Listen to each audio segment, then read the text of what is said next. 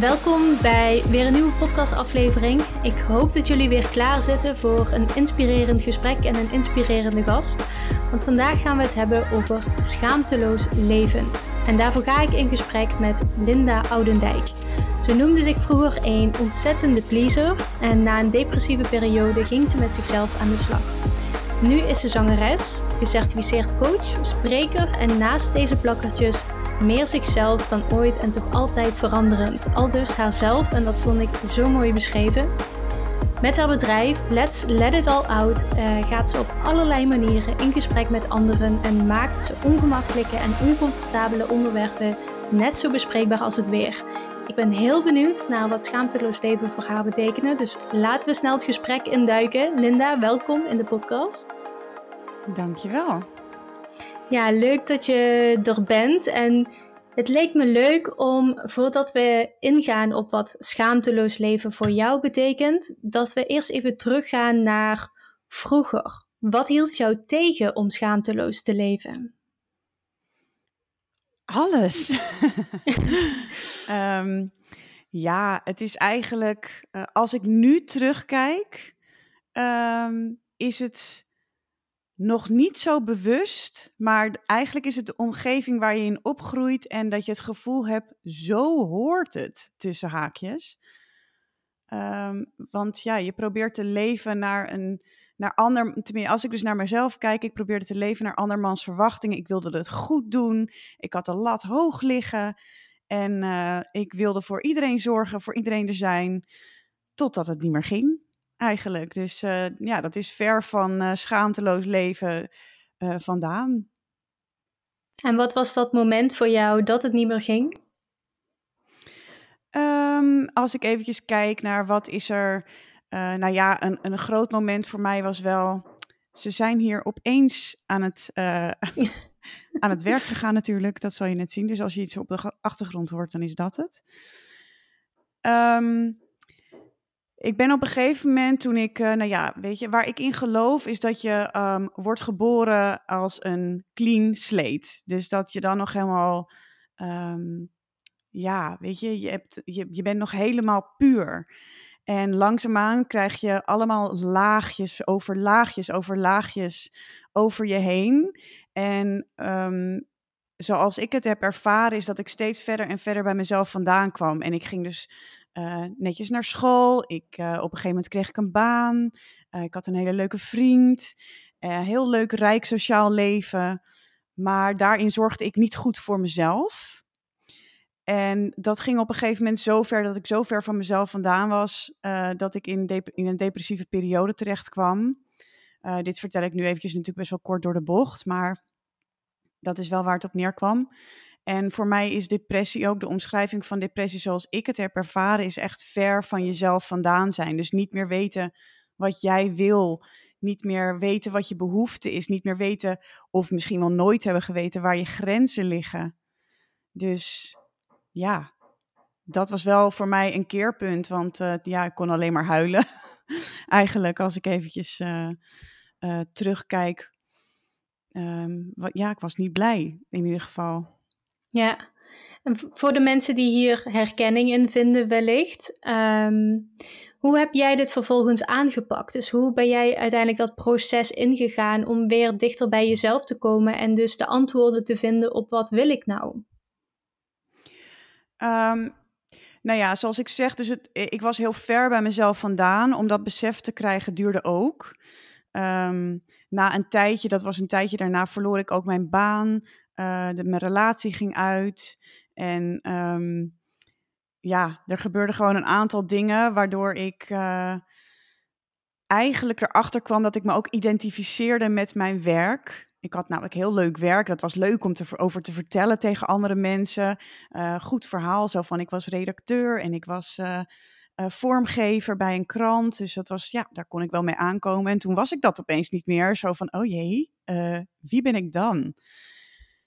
En eigenlijk heb, ik, op, doordat ik mijn baan ook verloor, heb ik wel de, tenminste dat was door een reorganisatie, dus het was allemaal prima geregeld. Eigenlijk was het precies achteraf wat ik nodig had. Want daardoor had ik heel veel tijd voor mezelf. Dus ten eerste was het mezelf een soort van rust gunnen. Ik ben ehm, ja, heel veel de natuur ingegaan, veel naar buiten, veel wandelen. Dat heeft mij veel geholpen. Daarnaast ben ik ook gewoon hulp gaan zoeken. Uh, ik ben met veel vrienden, familie uh, ook in gesprek gegaan. Ja, van alles gedaan. Ik heb van alles aangegrepen om uh, de situatie en zoals ik me voelde te verbeteren. En meer bewustzijn erbij te brengen. Want dat is toch misschien wel een van de ja, in het begin belangrijkste punten.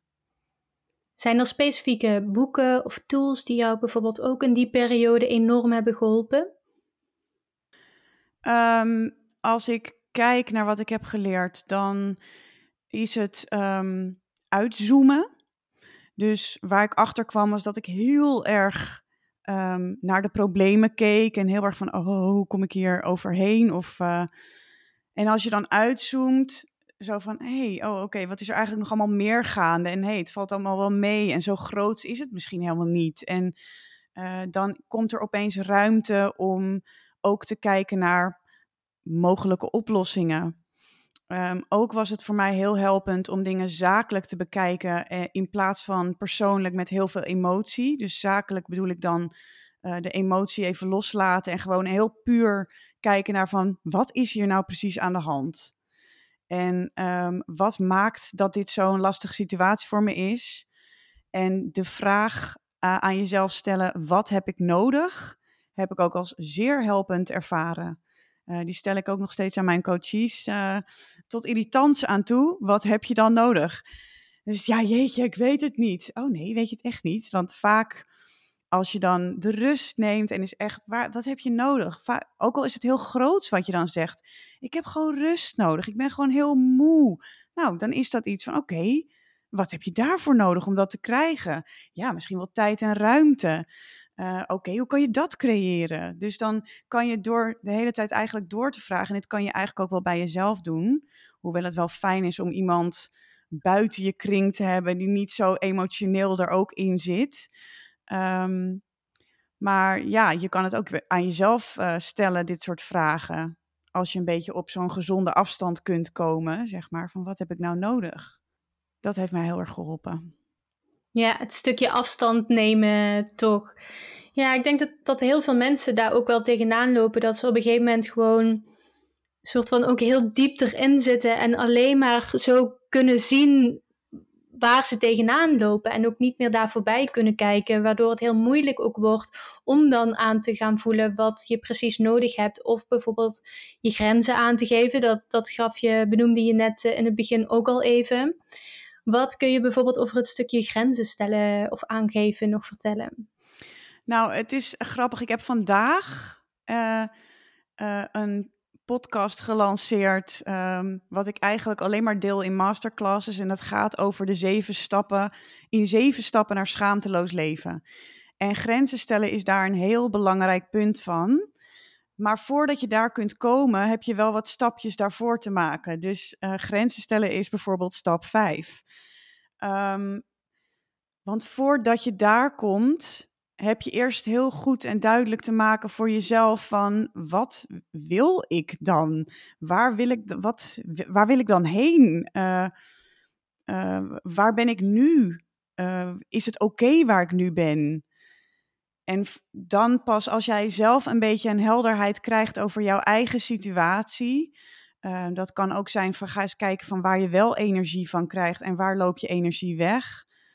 Um, als je dat soort dingetjes helder hebt, als je weet wat voor jou belangrijk is, dan kun je ook duidelijker de grenzen stellen. Als jij weet waar je heen wil en jij blijkt daar tijd voor nodig te hebben, ga maar kijken hoe je die tijd kunt creëren. En dat is vaak ook door nee te zeggen tegen anderen en waardoor je dus ja tegen jezelf zegt. Um, en nou is grenzen stellen eh, niet makkelijk. Het, het klinkt makkelijker altijd dan dat het is, maar helemaal als je vanuit een pleasende rol komt, dan wil je het altijd iedereen naar de zin maken. Dan is grenzen stellen een van de meest lastige dingen die er is. Want dan heb je voor jezelf op te gaan staan, voor jezelf op te komen. Dan moet je opeens gaan zeggen wat jij vindt. In plaats van dat je altijd zo hebt gedaan van nou, even voelen hoe het daar is. Is die persoon, heeft het naar zijn zin? Um, is die tevreden? Kan ik nog iets doen waardoor die nog wat blijer wordt? En dan pas was er ruimte voor jezelf. En nu is het eigenlijk, heb je dan te leren om het andersom te gaan doen. Uh, wat heb ik nodig? Hoe ben ik iemand die energie heeft, die weet waar die heen gaat? Hoe kan ik, uh, wat heb ik dan voor grenzen te stellen? Ja, dat is een hele ander, heel ander uitgangspunt natuurlijk. Dus het is, uh, als je vanuit de pleasende kant komt, heeft het, weet je, voor mij heeft het ook heel wat tijd gekost. Die ik had af te bakenen. En nee, ja, ik heb veel nee gezegd voordat het iets comfortabeler ging voelen. Dus dat kost tijd. En die heb je jezelf ook echt te gunnen, die tijd. Ik denk dat dat wel een heel mooi punt is, inderdaad. Dus dat inderdaad bij het stukje grenzen stellen moet je op een gegeven moment ook zo ver zijn dat je die grenzen kunt stellen. Dat je voor jezelf ja, kunt gaan staan ook. En ik vind het wel interessant wat je benoemde ook met die zeven stappen. Want stap 1 is dan die helderheid creëren, denk ik, in waar sta je nu, waar wil je naartoe. En dan zijn er nog een aantal stappen te behalen uh, totdat je bij het grenzen stellen bent. Wat zijn, wat zijn die stappen die daar uh, nog tussen komen? Ja, dan moet je natuurlijk de podcast gaan luisteren. um, het eerste is bewustwording. Mm uh, want als jij geen bewustwording hebt, ik bedoel de mensen die bij jou in de community zitten of die deze podcast luisteren, die zijn al bewuster uh, bezig met hun ontwikkeling blijkbaar. Want anders komen ze niet bij jou terecht. Dus ze willen blijkbaar iets van verandering daarin. En ik geloof er inderdaad in dat er gewoon een stappenplan is. Um, dus bewustzijn. Daarna heb je te accepteren. Bewustzijn is ook van welke situatie zit ik in. Dus ik omschreef het net al een beetje. Uh, wil je echt naar één thema kijken, dan kan het uh, bijvoorbeeld liefde of werk. Of weet je, waar, waar zit jouw uitdaging op dit moment? Uh, dan kan je je even daarop focussen. Nou, hoe zit die situatie nu? Welke relatie zit ik? Um, en omschrijf dat dus op een zakelijke manier eigenlijk, zonder emotie, zonder te veel emotie. Zodat je even kan gaan zien van dit is het gewoon. En zoals ik het omschrijf is, uh, tweede stap is dan acceptatie. Um, want als jij een verandering wil gaan maken, en ik zie het dan zo van je hangt aan een klif uh, zo omschrijf ik dat dan. Je hangt aan een klif, uh, aan een rots en je hebt geen uh, grond onder je voeten. Um, en door te accepteren creëer je een startpunt en creëer je dus grond onder je voeten, waardoor je je kunt gaan afzetten en naar boven kunt klimmen. Ik ben nogal visueel ingesteld, dus ik hoop dat de luisteraar dat ook is. Um, dus zo zie ik dat voor me. Zo van, je hebt eerst een startpunt te creëren. Want als je verandering wil gaan maken, maar je kan je niet afzetten, dan wordt het echt, dan wordt het heel hard werken. En dan is het meer vanuit, uh, ja, vanuit een oud systeem dat je heel hard gaat werken van uh, schouders eronder en uh, dan kost het heel veel kracht. Dan krijg je pijn in je lijf en ga je alsnog jezelf voorbij. Um, creëer eerst die basis voor jezelf voordat je die verandering in gaat zetten. en daarbij raad ik aan om voor sommige mensen, misschien kennen mensen hem al, maar Eckhart Tolle um, is dan een fijn iemand om naar te luisteren. Die heeft een, een boek geschreven waar ik nu ook naar kijk. De kracht van, uh, de kracht van het nu. En uh, dat is mooi. Zo van kijk waar je nu staat. Dit is gewoon je startpunt. Ja, het stukje grenzen stellen en daarin dus ook communiceren. Dus stel dat iemand ook zo ver is om te gaan, uh, die grenzen te gaan aangeven.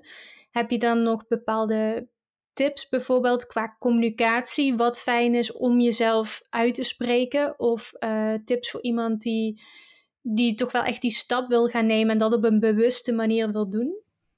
Ja, zeker. Um, je wilt dus eerst weten voor jezelf waar jouw grenzen liggen. Uh, dat kan je alleen maar gaan uitvinden door ze uh, ja, te gaan testen, door te experimenteren van oké, hoe ver wil ik hierin gaan? Voelen is dan heel belangrijk. Dus kom in contact met je lijf. En dat is ook iets wat je als pleaser zijnde niet leert. Dan leer je uh, eigenlijk jezelf om daar vandaan te blijven. Want je bent alleen maar gefocust op die andere persoon. Dus dat is ook al eigenlijk een soort van hoofdstuk op zich. Voelen. Durf te voelen. En als je dat eenmaal lukt, dan voel je ook beter van, oh, hier ligt mijn grens. Want ik voel een soort van gekke verkramping. Of uh, ik krijg buikpijn. Of hé, hey, uh, ik krijg opeens last van mijn keel of zoiets.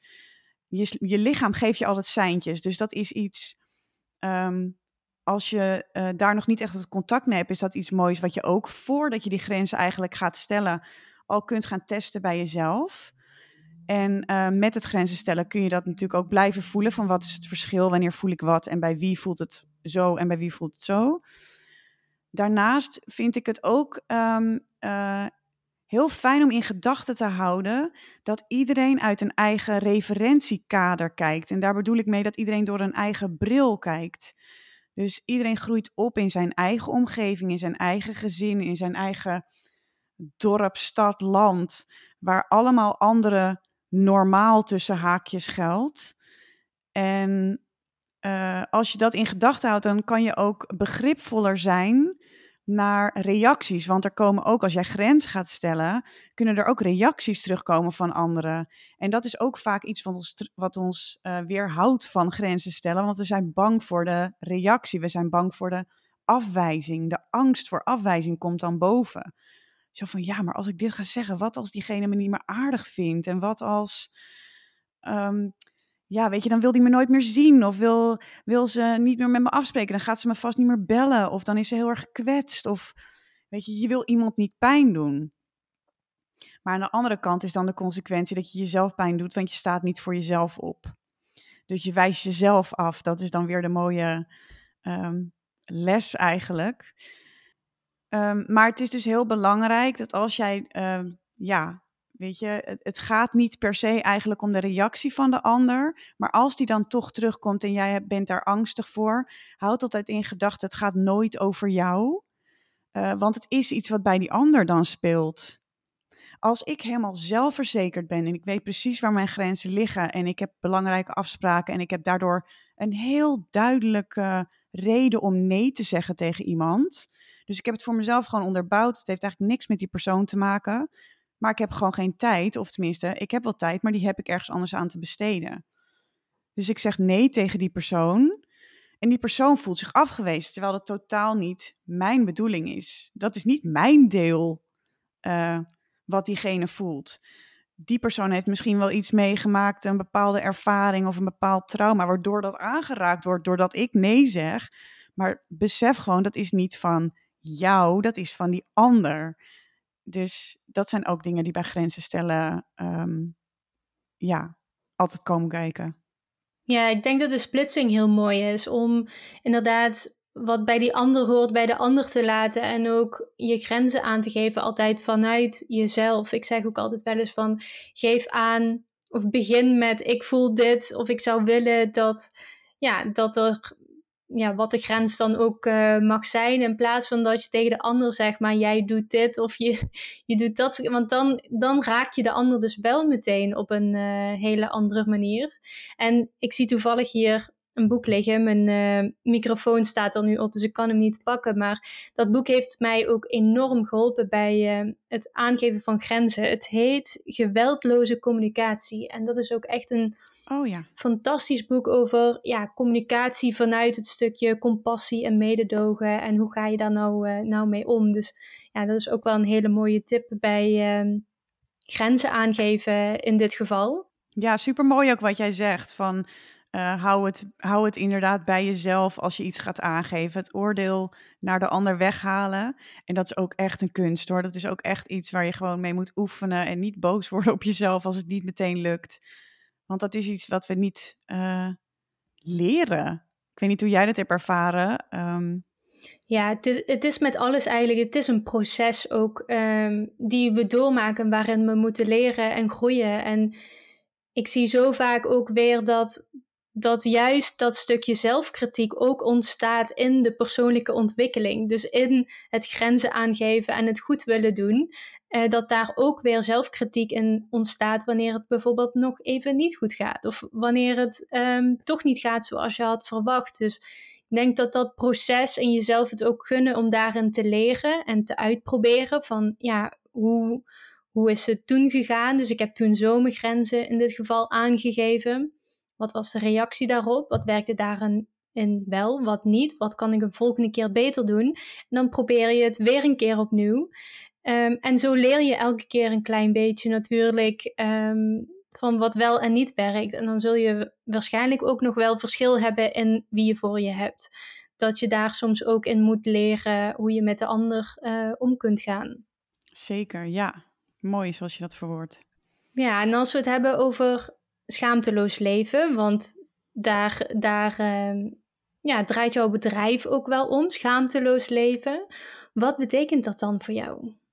Het betekent voor mij kiezen voor jezelf, voor jezelf op gaan staan en je uitspreken. Dus leren zeggen wat je vindt en dat dat er gewoon mag zijn. Jij mag dat allemaal vertellen.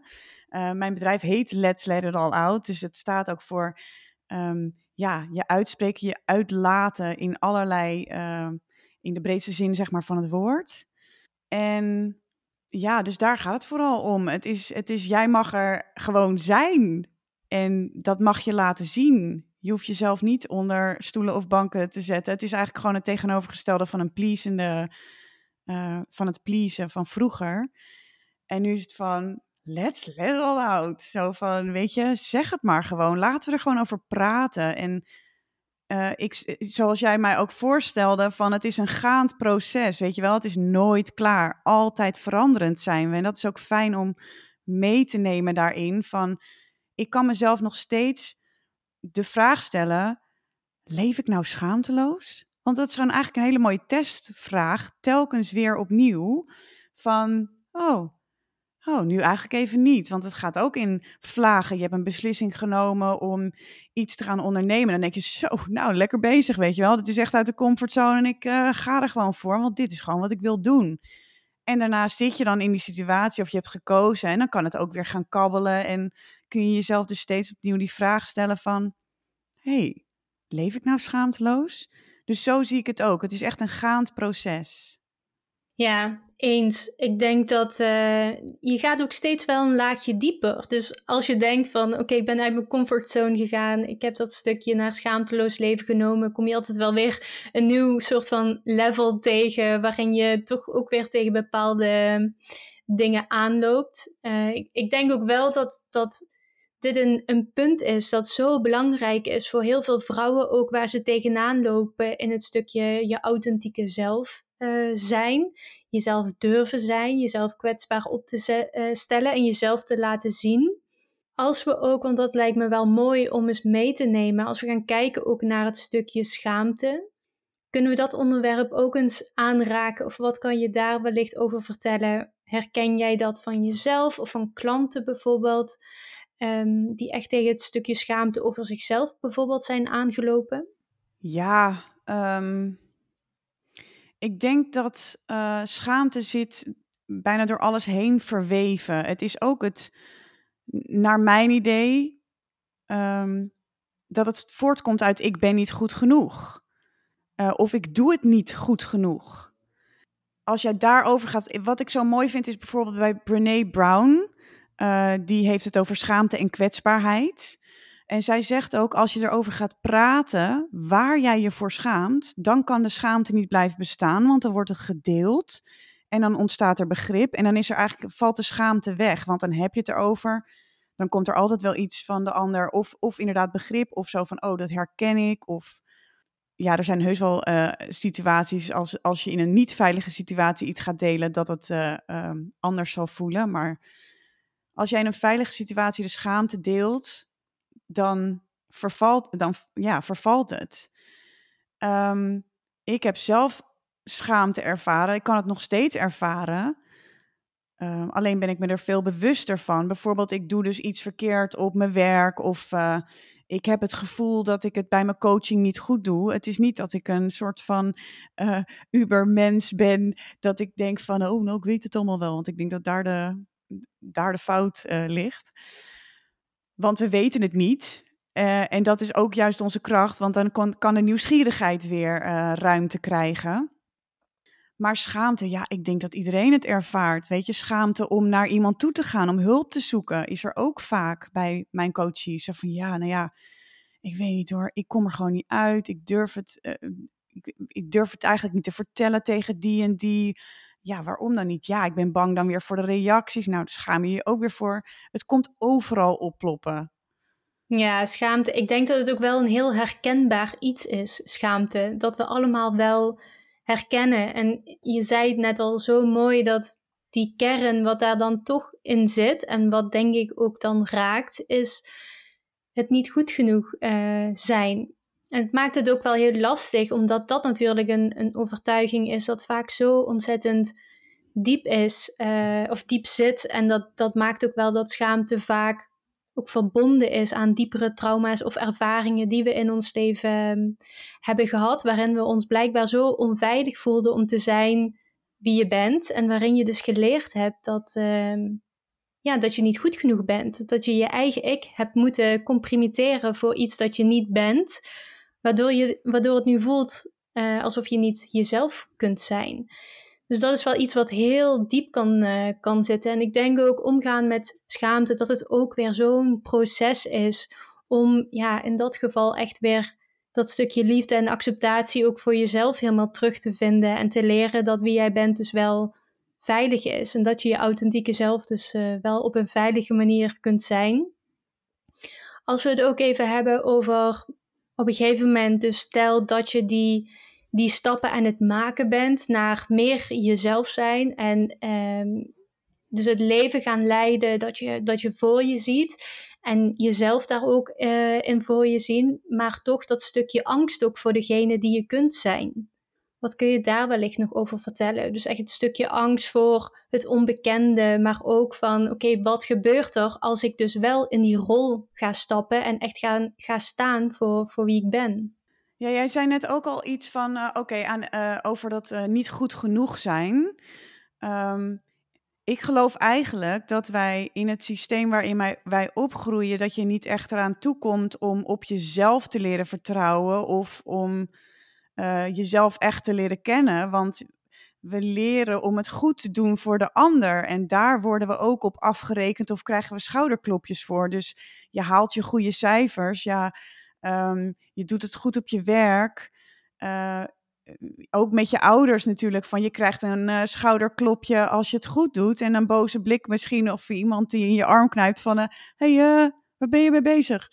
Dus je gaat kijken naar de ander van... Hey, oké, zo doe ik het goed, zo niet.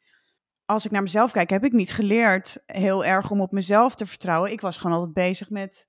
Oké, even kijken hoor. Nou, volgens mij gaat hij lekker, want iedereen is wel tevreden. En dus ik denk dat dat een, um, een belangrijk punt is. En als je zo bent opgegroeid en je hebt het, uh, nou ja, net zoals ik, dus uh, het heel erg in het pleasen gezeten, dan ben je gewend om je klein te houden op de achtergrond, niet tot last te zijn. En dat zit dan natuurlijk zo in je systeem. Dus het is heel logisch dat jij niet in één keer denkt van. Nou ja, je kan wel denken van, uh, nou, ik zou het wel anders willen. Ik kan het misschien wel al een klein beetje voelen. Maar om het werkelijk te gaan doen, om werkelijk een stap op een podium te maken, Um, om dus echt, weet je, al is het maar op je werk even te zeggen van, nee, ik kan dat werk er niet meer bij hebben, want dat wordt me te veel. Dat is ook al opstaan. Dus het gaat erom dat je het in mini-stapjes gaat veranderen. Je hoeft niet meteen een spreker op een podium te zijn of een uh, hele grote opdracht te vervullen. Uh, of het helemaal uh, 180 graden anders te doen. Ik denk dat de kunst is om het in mini-stapjes te doen. En dan te kijken wat is voor jou een mini-stapje waarin je dat kan doen. Dus ga kijken naar je situatie. Wat wil je veranderen? Dus dat is ook stap, stap drie. Dus je hebt bewustwording, acceptatie. Stap drie is waarheen. Uh, dus dan ga je kijken van waar wil ik dan heen? Wat is dan die verandering? En wat is dan die droom? Of wat is dan die... En als je dat dan uh, een beetje voor je ziet en misschien inderdaad wel voelt, ja, dan kun je hele kleine stapjes er naartoe gaan nemen. En voel je vanzelf van, oké, dat zou een logische stap zijn. Uh, dat niet, dat vind ik doodeng. Um, maar dit, als ik het zo klein maak, dan zou het misschien wel kunnen. En ik denk ook dat het um, belangrijk is om te weten, want ze zeggen altijd, uh, out of the comfort zone is where the magic happens. Nou, dan kan je denken, ja, ja, mooi verhaal. Uh, maar het blijft nog steeds natuurlijk ontzettend ongemakkelijk en heel spannend. Uh, ten eerste niet alleen. Je hoeft het niet alleen te doen. Dat is ook belangrijk. Je bent nooit de enige die in de situatie zit. Dus uh, vind iemand om je heen waarmee je het kan delen. Of inderdaad een coach of je, iets of iemand uh, wat bij je past. En um, ik wilde nog iets zeggen. En dat ben ik nu even vergeten. Nou, misschien komt het zo nog boven. Ja, je benoemde net ook heel mooi wat ik, wat ik heel mooi vond, een stukje vertrouwen in jezelf. En dat we ook echt oh, niet... dat was het. Oh, nou, dat kijk aan. Want je merkt, ja, dankjewel. Uh, je merkt dus dat als je wel een mini-stapje uit de comfortzone neemt, dan ga je iets doen wat je misschien nog wel nooit hebt gedaan. En als dan blijkt dat je dat wel kan en dat je het hebt overleefd en dat je niet, uh, nou ja, letterlijk bent doodgegaan, dan krijg je ook soms wel de smaak te pakken. Weet je, dan kan dat gebeuren, dat je de smaak te pakken krijgt om steeds weer stapjes uit de comfortzone uh, te doen. Want je leert daar superveel. Je leert allemaal nieuwe dingen. Ja, en waarom is het uh, spannend? Omdat je het niet kent. Het is het onbekende. Maar daar is wel echt waar het leuke allemaal gebeurt. Want dat veilige is ook het veilige en het bekende hoeft niet per se goed voor jou te zijn. Het is alleen zo van, ja, dit is wat je kent. Het is ook vaak dat je hoort in bijvoorbeeld uh, vrouwen die um, relaties hebben gehad die niet goed voor hun waren, uh, met bijvoorbeeld misbruik of dat ze uitgescholden worden of zoiets. Um, gaan ze daar toch naar terug, omdat dat is wat ze kennen. En ze, het is spannender om naar iemand die lief voor je is te gaan, want dat ken je niet. En denk je, oh, wat is dit nou raar? Wat, wat doet hij aardig? En ik vertrouw het niet en wat gek. Dat is dan veel moeilijker. Dus dat was even wat ik wilde delen. Ja, en, en dan kom je uiteraard meteen ook weer op het stukje vertrouwen opbouwen. Met al die kleine stapjes die je neemt en buiten je comfortzone gaan. Dat, je, dat het vertrouwen in jezelf natuurlijk ook alleen maar toeneemt. Uh, waardoor je ook steeds meer die stap durft te, te maken. Ik ben wel even benieuwd, kom jij nog bepaalde struggles bijvoorbeeld tegen in het schaamteloos leven, wat, um, wat je misschien wel steeds tegenkomt, of misschien nu dat jij daar al heel veel stappen in gemaakt hebt, dat je alsnog tegenkomt? Zijn er bepaalde struggles die jij daar dan toch zelf in, uh, in ervaart? Tuurlijk, meerdere. um, wat ik altijd lastig vind en uh, waarvan ik weet dat ik ook niet alleen ben, is uh, bijvoorbeeld kiezen. Um, bang om, dat is iets, het is best wel klein, terwijl het heel groot kan voelen. Dit is ook weer zo eentje van als je dus uitzoomt en denk je opeens van, waar gaat het over? Maar ik kan er dan zo in zitten en dan zit ik helemaal mijn hoofd te pijnigen van, oh, ik kom er niet uit en wat heb ik het toch zwaar? En dan kan ik helemaal in het slachtofferrol gaan zitten van, oh, ik kom er niet uit, help. Terwijl als je dan uitzoomt en later even terugkijkt, denk je van, nou, ik weet ook niet precies waar dat over ging, maar uh, ik herken het steeds sneller. Um, uh, maar het is iets wat wel steeds uh, terugkomt. Dus het komt wel steeds op een nieuw laagje terug. Maar ja, het is iets waar ik altijd uh, aan kan blijven werken. En met grenzen stellen idem dito.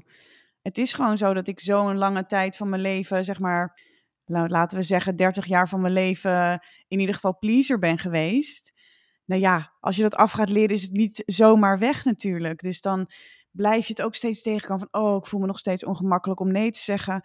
Oké, voor wie doe ik dit? Waarom doe ik dit? Wat is precies de reden dat ik dit doe? Dus het eerst, nu kan ik het goed onderbouwen voor mezelf. Gaat het eigenlijk niet meer om de ander? Tenminste, soms dus nog even wel, want daardoor wordt het weer lastig. Maar dan kan ik het weer daarvan afhalen en naar mezelf toe brengen. En denk ik, oh ja, oh ja, nee, ik doe het voor mezelf. En dan kom ik er wel weer uit. Maar ja, daar heb ik gaandeweg wel heel veel tools voor uh, verzameld, zeg maar, om daar te komen. Ja, mooi. En ik, ik, moet nu even denken ook bij, ik kan zelf ook met keuzes soms ook echt van, ah, zal ik deze kant op of deze kant op? En ik merk zelf dat het stukje mm, actie nemen vaak ook wel heel erg helpt. Dus als voorbeeld, ik had laatst ook um, in een Facebookgroep dacht ik, oké, ik wil niet meer blijven twijfelen. Ik ga gewoon om hulp vragen nu. Ik ga actie nemen. Maar zodra ik dus die vraag had uh, gepost daarin, opeens kwam het antwoord al naar me toe. En toen dacht ik, ja, ik heb eigenlijk de hulp niet meer nodig, want ik weet het nu zelf al. En dat is denk ik ook wel het stukje, ja, wat jij ook al aangaf van uit de slachtofferrol stappen en een beetje uitzoomen en actie nemen. En dan komen de antwoorden ook wel weer vanzelf. Dan gaat die bal soort van weer, uh, weer rollen. Het is ook, dat is ook precies wat jij nu als voorbeeld geeft, is natuurlijk ook vertrouwen. Want het is, um, en uh, je moet maar even zeggen als het niet klopt hoor. Uh, maar het, het, klinkt dan zo van, ja, je schiet in die angst van, oh jee, ik weet het niet, ik weet het niet. Wat moet ik nou doen? Ik heb twee keuzes en straks kies ik de verkeerde. Uh, terwijl, en dan ga je naar buiten zo van, oh jee, hoe, wie moet, wie, er moet iemand mij helpen. Terwijl, ja, ik heb dat ook opgeschreven in onze mailtjes, zeg maar, naar elkaar toe. Um, welke boodschap wil je de dames, de community meegeven? Alles is er al.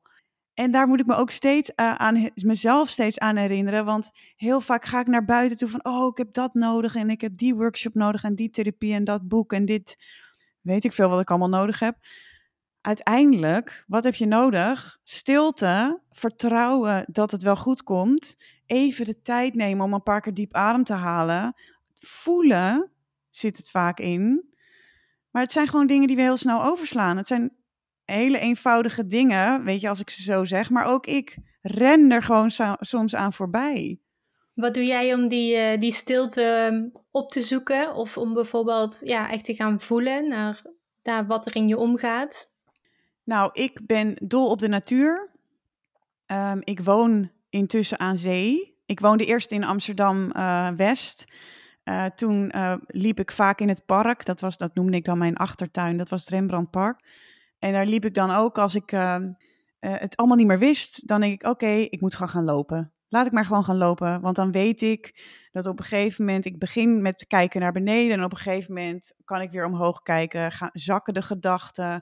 Komt er adem? Komt er rust? Uh, kun je opeens weer details, zit je weer naar een bloemetje te kijken of zo. Dan je, oh, oh, oké. Um, en dan komt er ruimte. Dus de natuur helpt mij. En ook echt dus letterlijk in beweging komen helpt mij ook. Ja, mooi. Ik denk dat um, in beweging en de natuur is, is altijd gewoon. Ik denk voor de meeste mensen geldt dat wel, dat dat altijd zo'n mooie tip is. Ga meer de natuur en ga gewoon even wandelen. Of heel even uit je, uit je hoofd en gewoon even om je heen kijken naar de bloemetjes, uh, bij wijze van. Ja, precies. Want uh, wat averechts werkt en wat wij eigenlijk, tenminste, dan zal ik weer voor mezelf spreken. Wat ik voor mijn gevoel heb meegekregen, is je moet door. Uh, weet je, een motto was uh, wat ik heb meegekregen van uh, niet zeiken, maar doorgaan. Dus als je daar de hele tijd mee door, dan denk je pauze nemen, pauze nemen. Ik moet het eerst afmaken. Maar dat werkt averecht. Want als jij wel die pauze neemt en je haalt even adem, dan komt het antwoord pas. Dus ik woon nu, ik ben intussen verhuisd naar zee. Ik ben dol op surfen en dat is ook iets um, wat, mij, wat een van de weinige dingen is dat ik uit mijn hoofd zeg maar gaat. Het enige waar je op kan focussen. En daarna denk ik, hè, hè. Nou, dan heb, is er weer ruimte. En dat is hier ook met het wandelen. En dat, in mijn coaching doe ik ook, ook wel online, maar ook aan zee. Het werkt gewoon. In beweging zijn, uit je hoofd, meer in je lijf. En dan kun je bij de antwoorden komen. Ja, mooi. Ik denk dat dat inderdaad de sleutel is dat we ons lichaam ook vaak vergeten, terwijl het zo verbonden is ook met onze mind. Dus dat er gewoon een hele synergie is tussen onze mind en ons lichaam. En dat het dus je mind werkt op je lichaam, maar andersom natuurlijk ook. Je lichaam werkt ook weer uh, op je mind. Jij uh, benoemde ook dat je um, in Portugal gaat wandelen. Enorm veel kilometer, 240 kilometer zag ik. Wat zijn je beweegredenen om, uh, om dat te gaan doen? Nou, beweegredenen, ja precies. Bewegen is ook een reden. Ja. Um, ik kom eigenlijk net uit een periode, en, en, daar zit ik nu dus eigenlijk ook nog middenin, maar nu heb ik er rust bij. Dat ik een beetje aan het vechten was van, uh, nou, ik weet het allemaal even niet. En uh, welke kant moet ik nou op? En blijf ik deze um, job doen? Uh, blijf ik dit zo doen? En dan maar moest, ging ik heel hard zoeken. Uh, en op een gegeven moment zag ik dus in, dus eigenlijk wat we net ook bespreken van, oké, ik ben weer in het oude vervallen. Uh, nog iets anders is dus ook steeds weer bij jezelf terugkomen als je het hebt over waar loop je nog steeds tegenaan tijdens het schaamteloos leven. Dat je snel bij jezelf vandaan kan gaan, helemaal in deze wereld, in deze tijd, lekker met je telefoon. En dan ga je bij jezelf vandaan. De kunst is om bij jezelf weer terug te komen. Uh, dus dan weet ik ook van oké, daar ga ik. Dan herken ik het gelukkig snel. En toen ben ik een beetje achterover gaan leunen. Zo van weet je, ik heb gewoon. Dus waar, wat heb ik nodig? Dus ik neem de stappen voor mezelf ook door. Van oké, waar sta ik nu? Kan ik accepteren waar ik nu sta? Dit is wat ik nu allemaal doe qua werk. Uh, dit is uh, hoe het nu is uh, qua vriendschap, qua, familie, qua wonen. Ben ik daar oké mee? Um, en dan, wat wil ik dan anders? Ja, nou dan wil ik meer rust. Ik wil gewoon meer rust voelen. Oké, wat is daar dan voor nodig? En toen was een vriendin van mij, die had deze route ook. Het is dus een um, pelgrimsroute, noemen ze dat. Dus je hebt een officiële route, die is 800 kilometer. Uh, en dit is dan eigenlijk een soort van kleinere versie. En ik had in 2014 al een keer een boek erover gelezen. Um, dat ging toevallig ook over een zangeres die het ging uh, wandelen. En dat boek heb ik weer opnieuw gekocht. En een vriendin van mijn moeder had het er ook over. En toen dacht ik, weet je, misschien is dat wel wat ik ook wil gaan doen. Wat goed voor mij is. Gewoon gaan wandelen en verder niks hoeven. Dus eigenlijk die tijd nemen om alles vanuit binnenuit weer te laten komen. In plaats van in die snelheid te blijven en nu moeten weten. Waarom weet ik het nog niet? En jezelf daar helemaal de stress mee in te uh, sleuren eigenlijk. Dus ja, ik ga wandelen. Alleen of met iemand samen? Of? Nee, ik ga alleen, maar um, het is, uh, ik ben wel gewend om alleen te reizen. En dat vind ik ook heel fijn, want dan ben ik heel erg aanwezig. En um, ik weet niet, op die manier ontmoet je juist heel veel mensen, omdat je, nou ja, ik sta dan open. Ik ben, ik zeg altijd, ik ben onderweg, ben ik op mijn best. Want dan kan je alleen maar in het hier en nu zijn en je weet niet wat het volgende is. Dus het is alleen maar vertrouwen op dat precies komt wat er nodig is en loslaten en alle lessen die ik even nodig heb, zeg maar. Um, en 240 kilometer dacht ik in het begin ook van, wat, 240 kilometer? Maar als je dan hoort dat je, weet je, het is het enige wat je doet op een dag. Uh, het is 20 kilometer loop je als ja, beetje ongetraind persoon, zeg maar, loop je 20 kilometer in vier uur. En dat is oké. Ik heb wel gewoon geoefend. Ik heb voor het eerst wandelschoenen gekocht. Ik heb zelfdrogende t-shirts gekocht. Um, allemaal van dat soort uh, ongein. En uh, ja, ik ga het gewoon proberen. En het is, dit is dus een kleiner kleiner stukje. Je kan het dus over in twee weken eigenlijk al doen. En ik kan hem verlengen als ik het naar mijn zin heb. Um, maar ik heb geen terugvlucht, ik heb alleen een heenvlucht. Dus ik ga gewoon kijken wat er daar gebeurt. En ik heb uh, een maand de tijd. Ja, wat heerlijk. Echt super tof dat, uh, dat je dit gaat doen. En vooral ook aandurft om in je eentje te gaan doen. Ik denk dat dat ook wel mooie is om het uh, gesprek daarmee te gaan afronden. Is er tot slot nog iets dat je met uh, de luisteraar zou willen delen met betrekking tot een stukje schaamteloos leven? Nou, um, een quote die ik nog wel even graag wil benoemen en die voor mij heel erg uh, binnenkomt altijd is: Release the version you created to survive. Dus laat de versie van jezelf los die jij hebt gecreëerd om te overleven. Omdat je, nou ja, net zoals wat ik dus net vertelde, je bouwt allemaal laagjes op en uh, je gaat leven zoals je denkt dat het goed is of als je, zoals je denkt dat mensen van jou verwachten. En wat gebeurt er als je dus dat allemaal laagje voor laagje van jezelf gaat afpellen? Wie ben jij in de kern? Zo van wie, wie is jouw pure zelf? En wat voor beslissingen zou die persoon nemen? Um, als het dus helemaal los mag zijn van alle verwachtingen van de ander of alle verwachtingen die jij denkt dat de ander heeft, want we vullen het vaak in. Um, ja, dus ik denk dat dat sowieso een mooie is om, uh, om mee te geven. En ik denk ook nog om er iets aan toe te voegen, wat ik ook vaak hoor, is dat um, vrouwen denken dat het egoïstisch is om voor jezelf te kiezen. Um, nou ja, dat hadden we het in het begin ook al een beetje over. Maar dat vind ik een groot misverstand. En dat heb ik zelf ook uh, moeten leren. En het um, uh, ja, voor mezelf zeg maar om moeten keren van zelfzorg is juist zo ontzettend belangrijk. Want zonder zelfzorg, uh, zonder liefde voor jezelf, tijd voor jezelf, lekker eten, goed gezond eten, sporten, iets van beweging, natuur goed, zonder goed voor jezelf zorgen ben jij gewoon geen leuk mens. Als je alleen maar op die ander zit, dan kan jij niet het leukste mens zijn die je kan zijn. Dus ik heb zoiets van, juist dat voor jezelf kiezen en voor jezelf gaan staan, helpt ook de ander. Want jij bent er zelf een veel leuker persoon door. Absoluut, daar kan ik me ook helemaal in vinden. Ik wil jou ontzettend bedanken voor dit mooie gesprek uh, en alle inzichten die je in het gesprek ook hebt gegeven. Ik vond het heel fijn om naar je te luisteren. Dus ik wil jou ook ontzettend bedanken dat je te gast wilde zijn in deze podcast. Graag gedaan en bedankt ook dat ik hier mocht zijn. Vond je deze podcast nou tof om naar te luisteren? Laat het ons vooral even weten. Stuur ons bijvoorbeeld een berichtje via Instagram. Dat zouden we natuurlijk altijd heel leuk vinden om te horen wat jullie ervan vonden of wat jullie er eventueel uit hebben gehaald.